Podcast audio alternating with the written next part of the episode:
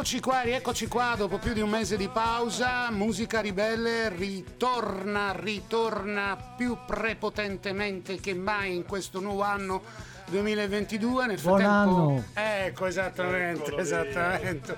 Esattamente, buon anno a tutti quelli che ci ascoltano. Musica Ribelle va in onda tutti i lunedì del primo lunedì del mese, il terzo lunedì del mese, il quarto lunedì del mese e anche il quinto quando ci tocca fare penitenza, vero caro Bocconi? Sì, sì, sì, sì, sì, sì. Bene, eh, Musica Ribelle è condotto da Sebastiano Gentile alla voce insieme ai grandissimi musicisti che sono Gaetano Frina al basso, Federico Savini alle, tas- alle tastiere, stavo dicendo, alle percussioni oggi con noi e naturalmente il buon Stefano Bocconi alla chitarra e ascoltateci che oggi abbiamo una bellissima sorpresa dall'Italia, presenteremo un gruppo, un duo che si chiama In Duo che ha fatto un nuovo disco e lo intervisteremo. Vai Finardi, vai! Pare c'è qualcosa nell'aria che non si può ignorare, dolce ma forte e non ti molla mai. È un'onda che E cresce. siccome il tempo, il tempo stringe, stringe, stringe veramente, eh, direi di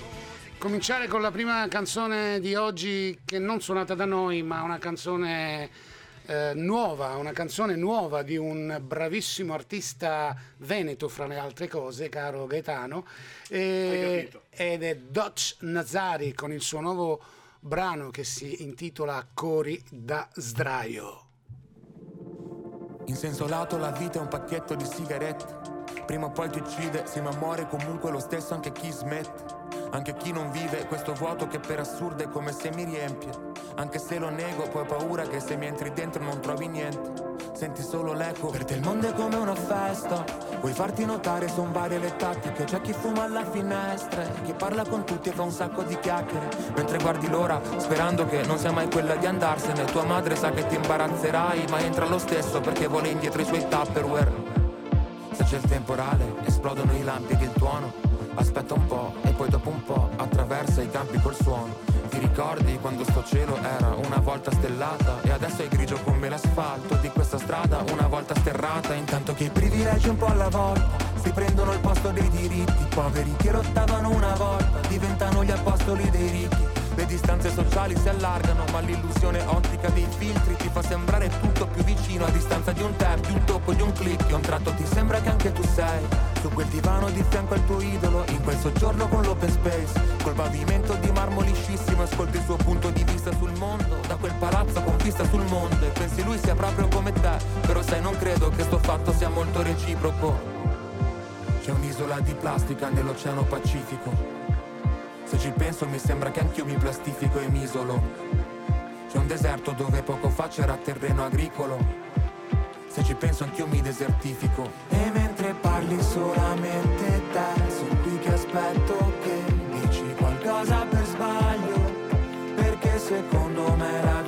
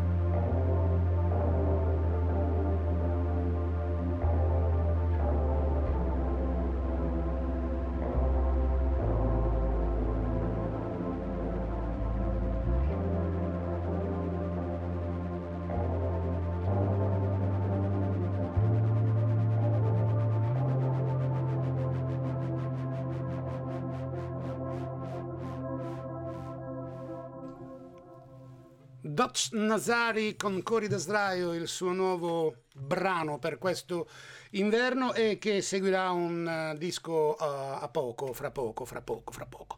Bene, caratteristica di musica ribelle è che noi cantiamo anche dal vivo e facciamo le covers come dei bravi sedicenni perché in effetti abbiamo tutti e quattro 16 anni, ve lo dico io, nella nostra testa noi siamo ancora picciritti, picciotti, ragazzi, ragazzi. E la prima canzone che facciamo oggi è A Patriots to Arms di Franco Battiato, perché in questo momento proprio su non prendiamo le armi, ma le armi intese come riscatto sociale, voglia di partecipare, voglia di libertà, voglia di dire a tutti quelli che non ci vogliono liberi, state a casa. Vai!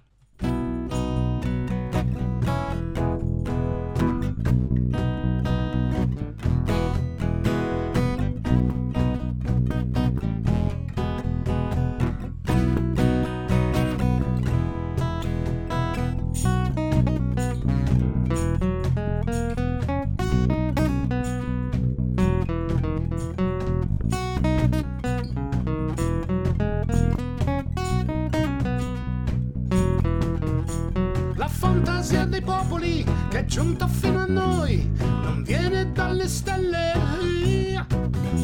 Alla riscossa stupidi che i fiumi sono in piena, potete stare a galla. E non è colpa mia se esistono carnefici, se esiste l'imbecillità. Se le banchine sono piene di gente che sta male. Up, Patriots to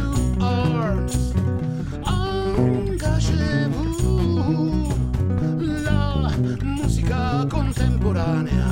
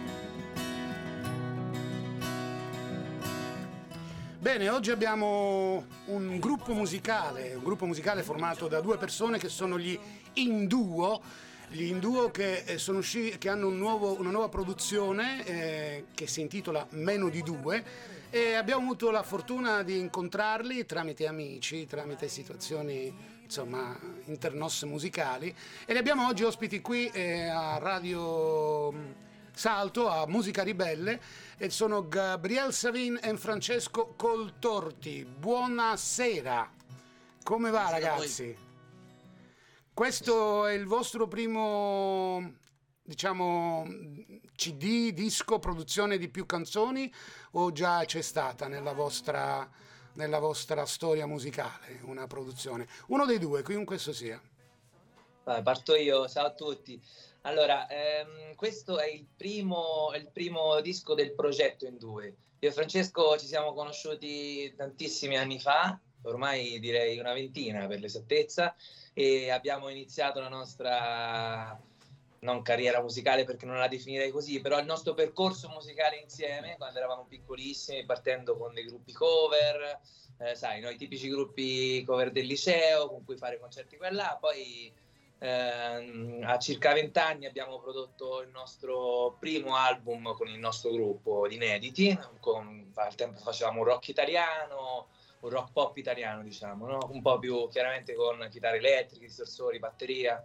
Poi eh, nel corso degli anni ci siamo un po' allontanati, Francesco poi vi parlerà di- degli suoi progetti paralleli che ha avuto nel frattempo ci siamo rincontrati due anni fa quando io dopo tanti anni che ho vissuto un po' all'estero, un po' in giro per l'Italia, sono tornato a vivere qua, gli ho proposto di, di rifare qualcosa insieme e è nato con un live, è nata l'idea di fare questo progetto che, che praticamente è durato circa un anno di, di registrazione, nel senso il, il disco ha solo otto pezzi per scelta, comunque volevamo fare qualcosa di soft, però di leggero, diciamo. Diciamo Eh. che è come si faceva una volta il vinile, quattro da un lato, quattro dall'altro. Eh, E questo sì. era un po'... Sì, effettivamente sì, ha tuttora i vinili quelli di alta definizione.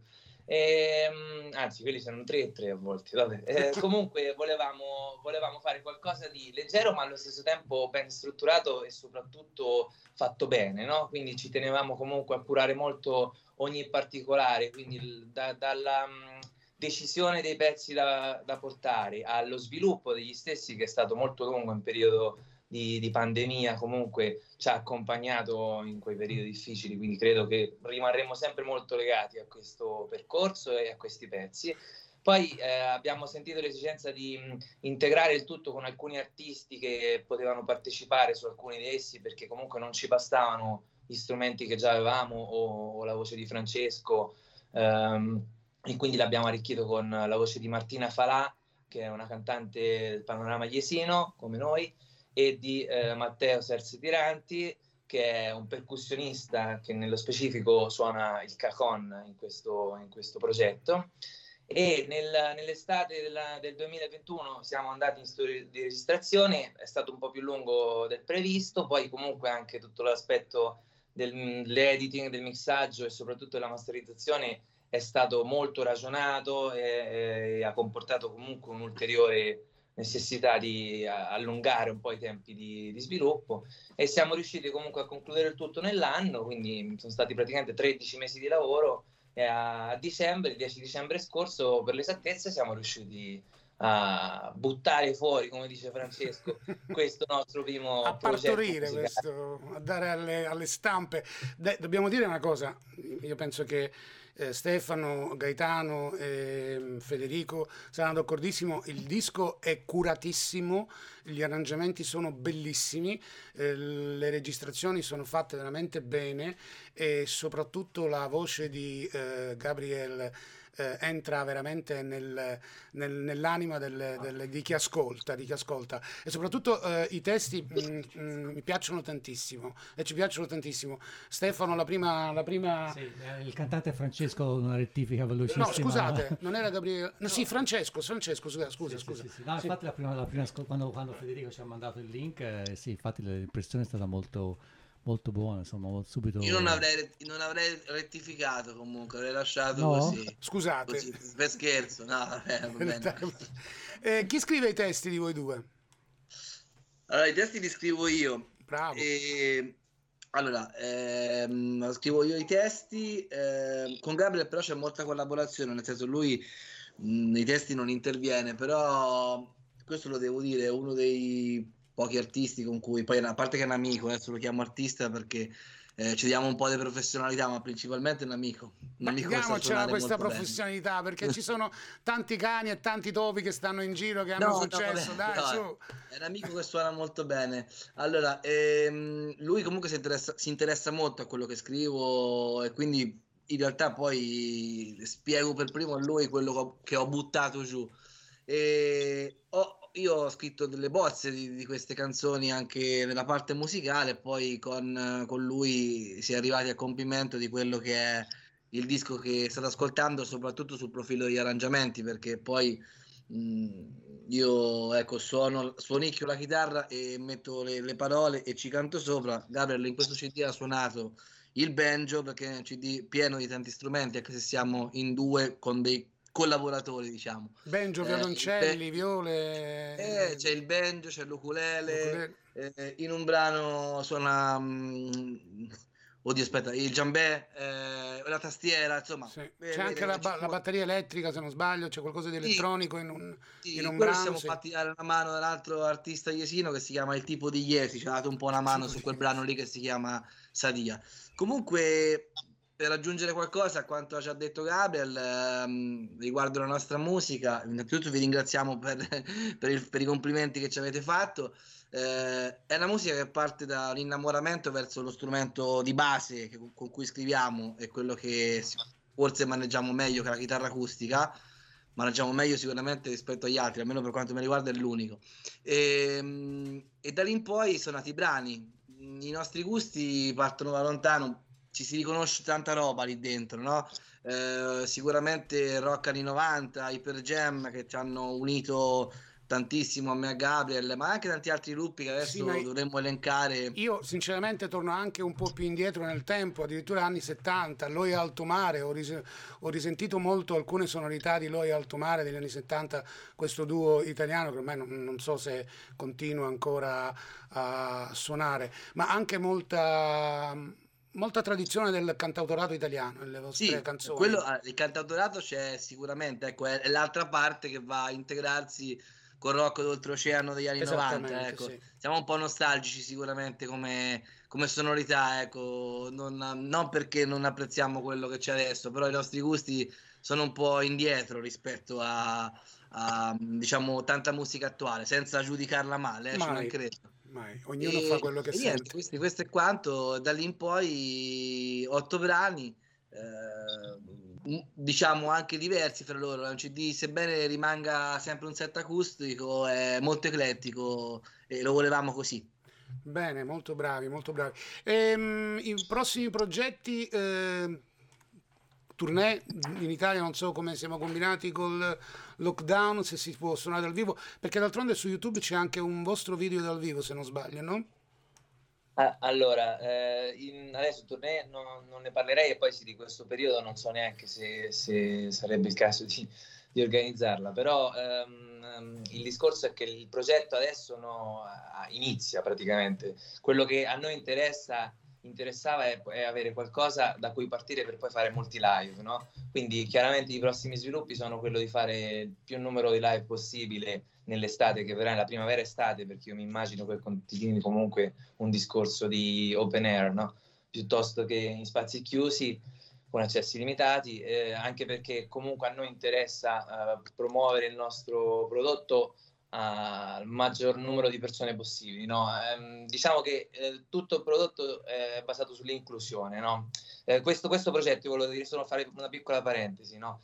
Eh, a, me piace, a me piace molto, ci credo molto, perché nei testi di Francesco, che rispetto profondamente, spesso si, si trattano di temi molto importanti, no? e oggigiorno più che mai credo che vadano, vadano diffusi eh, in tutti i modi e l'arte, l'arte può essere un vettore di comunicazione eh, tra i più importanti, no? poi in, un, in, un'epoca storica dove la, dove la comunicazione mh, si sta notando funziona abbastanza male, credo che l'arte invece parli in maniera abbastanza diretta, uh, diretta alle persone e che quindi ehm, vada il più possibile sfruttato in tal senso. Ecco, quindi il prossimo step del progetto è quello di uh, andare, suonare dal vivo, suonare davanti a più persone possibili, sempre in sicurezza, per quello dicevo all'aperto, e far sì che eh, queste canzoni riescano a lasciare qualcosa no? agli ascoltatori. Quindi da, partendo da Noi e No, a te, Cosciare altrove, dove si trattano i temi de, dell'inclusione, sì. dell'razzismo,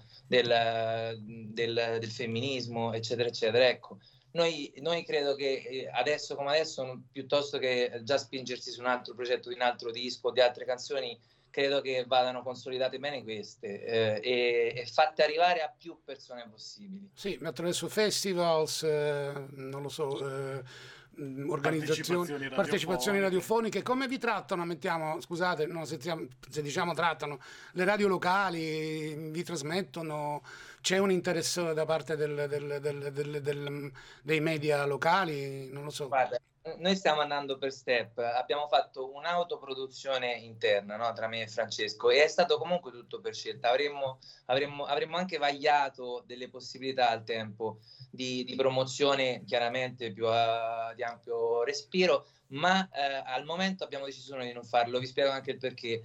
Noi, eh, anche questo per scelta, sempre un po' controcorrente, perché poi non ci piace neanche seguire le tendenze, non abbiamo eh, fatto uscire il CD tutto intero, senza nessun singolo, e al contempo il video del singolo che no è no al momento non è disponibile, stiamo noi aspettando il momento giusto dove farlo, okay. anche, anche, solo per poterlo registrare nel migliore dei modi um, con il tema giusto. In questo periodo Francesco è, è da pochissimo diventato papà e oh. quindi auguri ancora e quindi eh, abbiamo deciso di, di, prenderci un piccolo break per consentirgli chiaramente di dare spazio alla cosa più importante che ha in questo momento, che è la sua piccola aria. E, e noi in primavera abbiamo deciso, abbiamo intenzione di registrare un, un video eh, fatto altrettanto bene come il disco e da lì si potrebbe eh, pensare a una seconda fase di promozione. Quindi a, al momento se tu dici eh, l'avete dato alle radio, no, ma siamo noi stessi che non l'abbiamo inviato a parte con voi eh, e qualche, qualche, altro esempio di articoli sul giornale, ma poca roba. Abbiamo puntato pi- piuttosto um, al passaparola, no? Sapete, a quello iniziale, con qualche social, sì, abbiamo delle pagine social su, su Instagram e su Facebook, ci trovate come in duo, se non ci trovate basta che mettete in duo underscore FG come Francesco e Gabriel.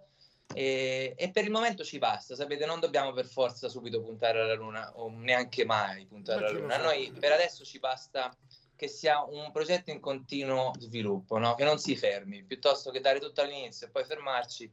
Preferiamo andare step by step. Beh, questo significa che ci credete veramente e quindi piano piano prenderete il treno prenderete questa possibilità di, di, di, avere più spazio a livello mediatico e quindi anche di, di pubblico. Qui a Musica Ribelle di sicuramente, sicuramente vi trasmetteremo di tanto in tanto.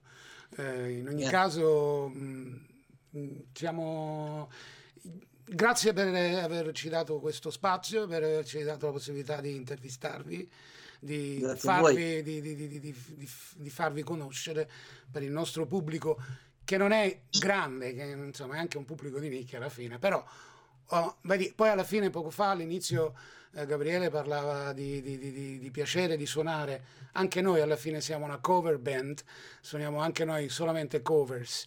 E se più tardi riuscirete ancora ad ascoltare il programma sentirete quello che sappiamo fare, però voi avete veramente un grande talento, quello di soprattutto eh, di, di, scrivere bei testi e fantastici arrangiamenti, complimenti.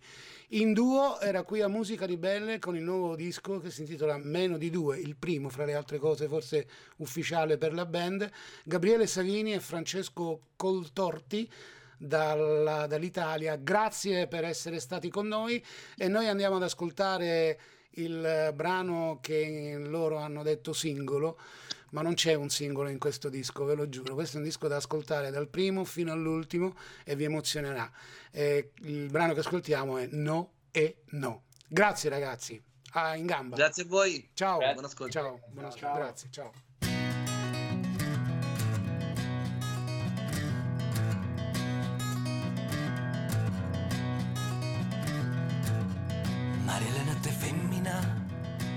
Appare sul telefono sorride il sottotitolo non rende la passione vera e muore, seppur senza morire, e un Dio la coglierà.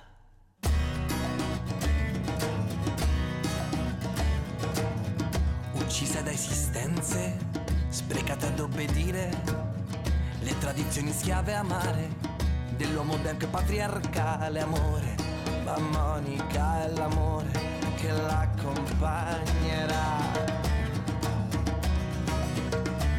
E il mare, la musica è quel mare che vi accarezza.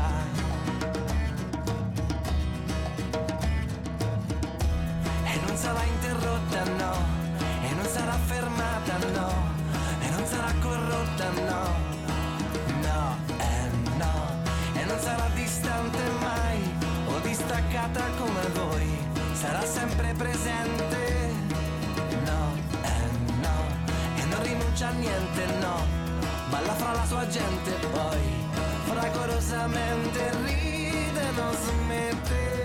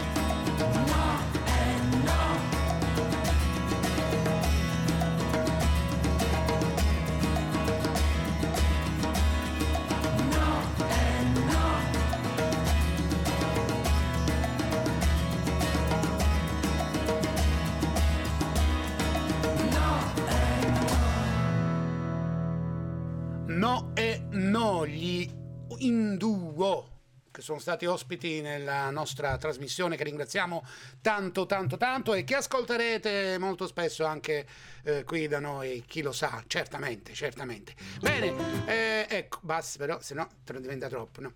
Eh, adesso andiamo a cantare noi una canzone di Motta del tempo che passa la felicità. Ecco, quel tempo che passa la felicità, usatelo bene, usatelo, perché è molto importante. Vai.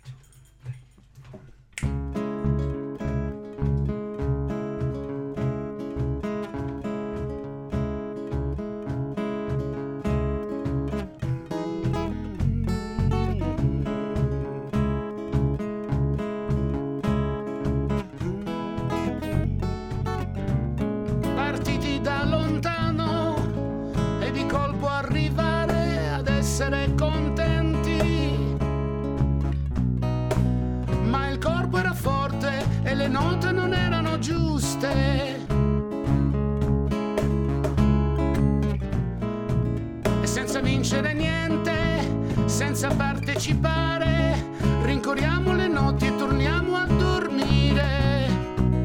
E le mani più grandi dei tuoi sogni dispersi dentro casse di vuote milioni di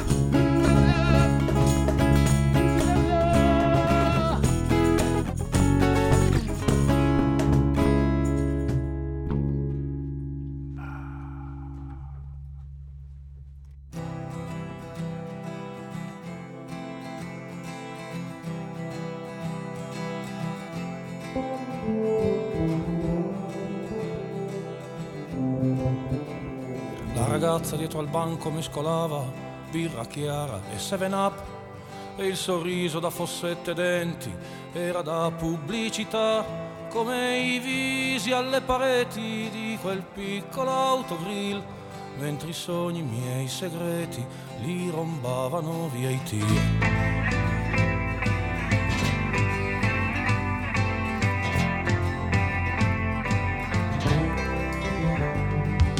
Bella d'una sua bellezza acerba, bionda senza averne l'aria, quasi triste come i fiori e l'erba di scarpata ferroviaria. Il silenzio era scalfito solo dalle mie chimere che tracciavo con un dito dentro i cerchi del bicchiere.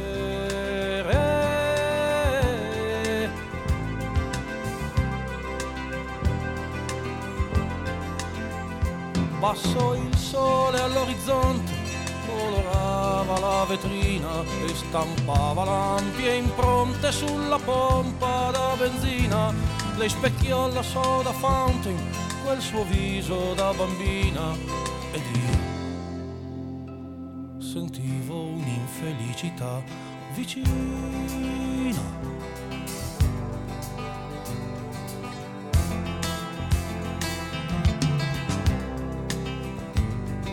Vergognandomi ma solo un poco appena misi un disco nel jukebox per sentirmi quasi in una scena di un film vecchio della Fox.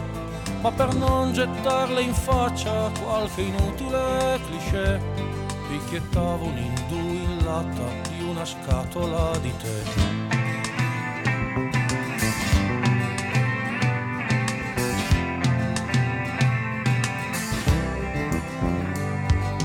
gioco avrei dovuto dirle senti, senti, io ti vorrei parlare poi prendendo la sua mano sopra il banco, non so come cominciare, non la vedi, non la tocchi oggi, la malinconia, non lasciamo che trabocchi, vieni andiamo, andiamo via.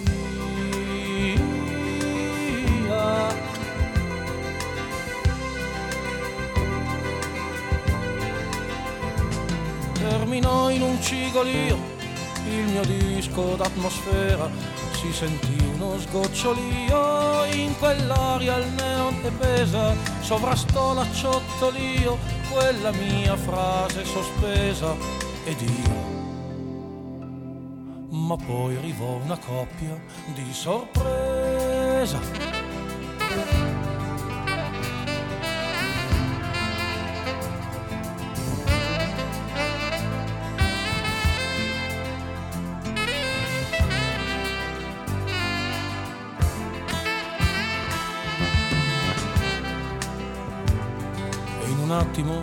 Accade spesso, cambia il volto d'ogni cosa.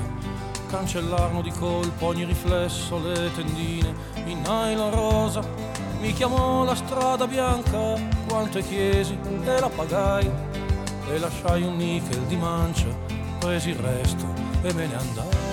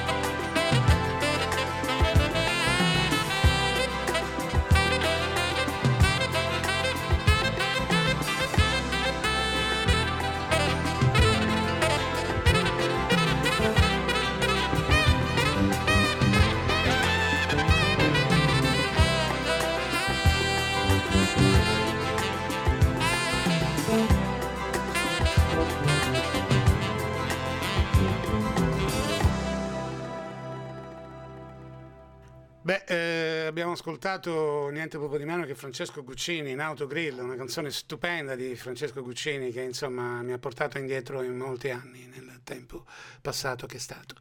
Adesso cantiamo noi una canzone di Pino Daniele, una canzone dal disco Pino Daniele Project del 2004, un disco che vi consiglio di ascoltare, un dei- forse uno dei dischi più belli di, di- di Pino Daniele negli anni 2000.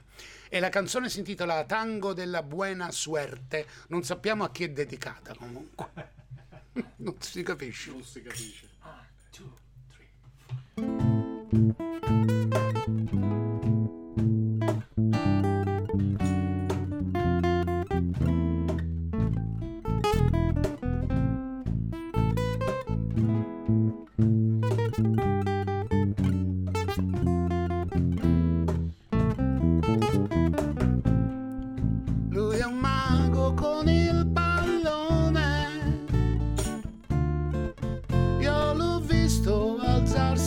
da terra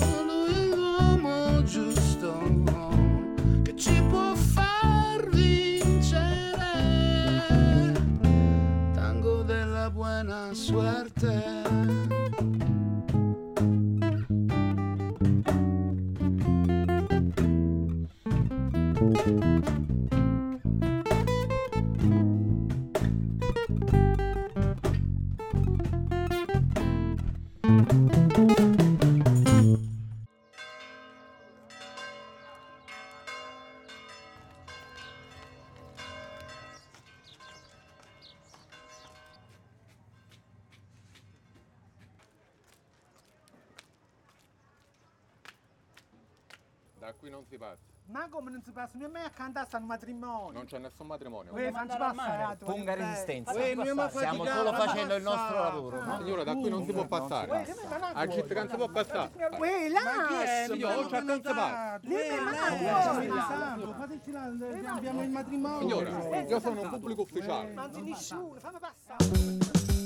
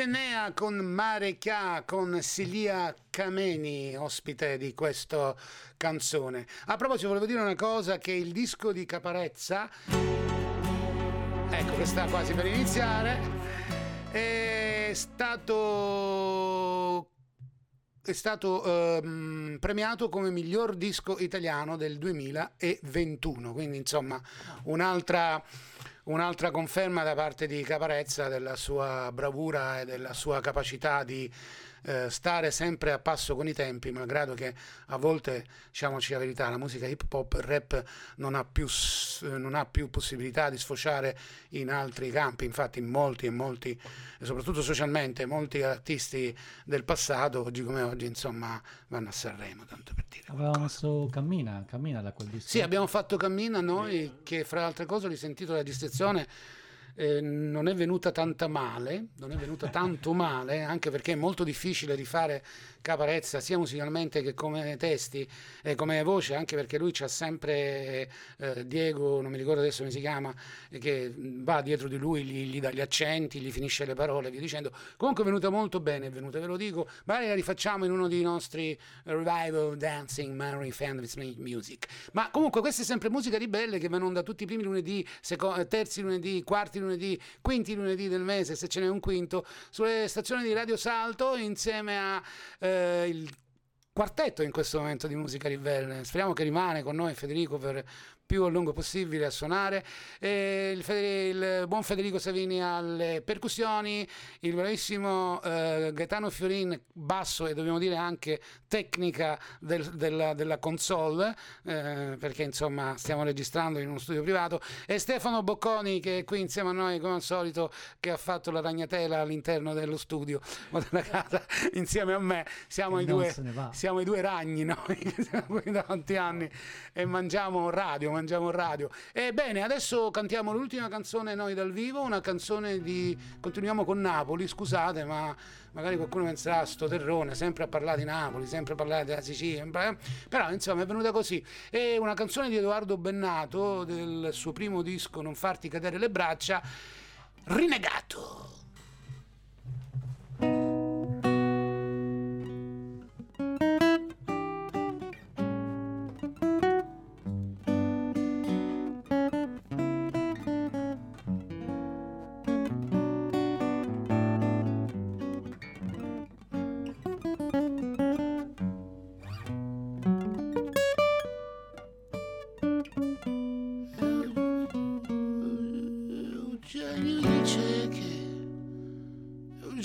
Dice Eugenio dice che io sono rinnegato perché ho rotto tutti i ponti col passato. Guardare avanti sì, ma ad una condizione che tieni sempre conto della tradizione.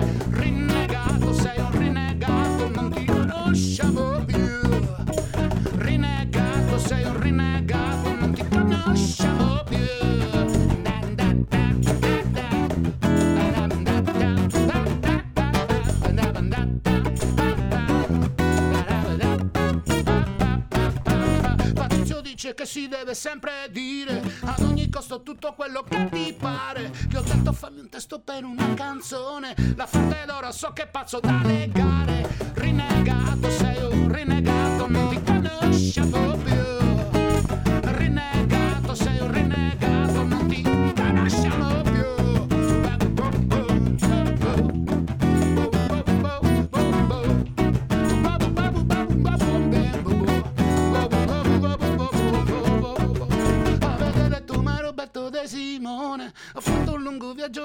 Tradizione. E dice che in Italia col passare degli anni la musica peggiore non si fa più. Avanti allora rinnegato sei renegato non ti conosciamo più.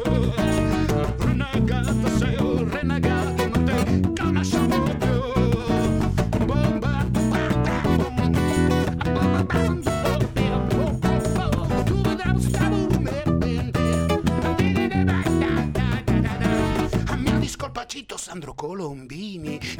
trafficato spesso con gli americani. E lui che mi consiglia il tutto spiano però lo dice sempre con un mitra in mano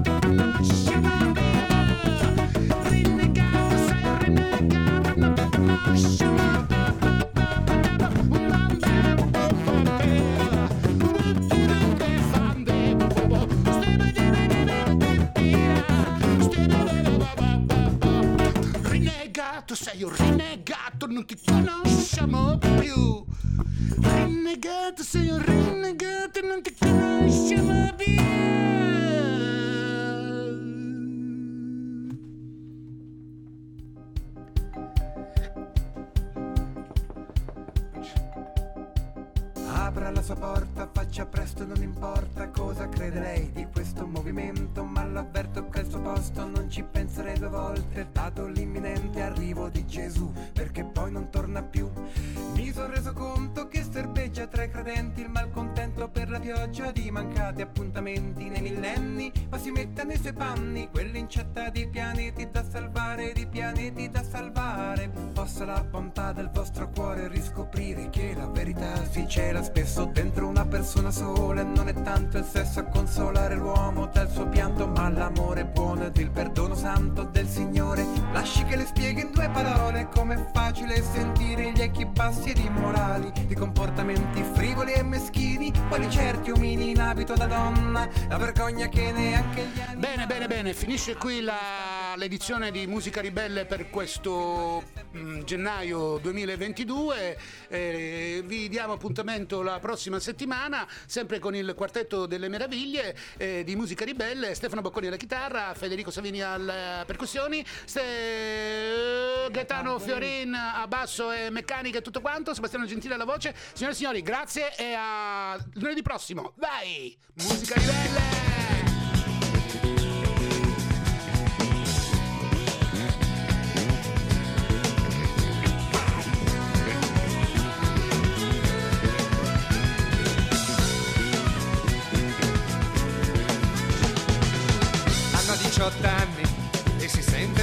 Sente tanto sola, la faccia triste e non dice una parola, tanto è sicura che nessuno capirebbe. E anche se capisse di certo la tradirebbe. La sera in camera prima di dormire legge di amore e di tutte le avventure dentro nei libri qualcun altro scrive che sogna la notte che di giorno poi non vive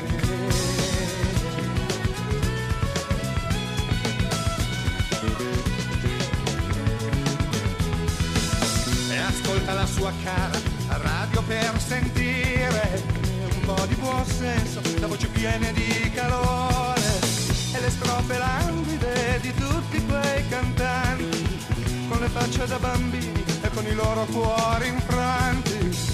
Ma da qualche tempo inutile scappare, c'è qualcosa nell'aria che non si può ignorare, è dolce ma forte e non ti molla mai, è un'onda che cresce e ti segue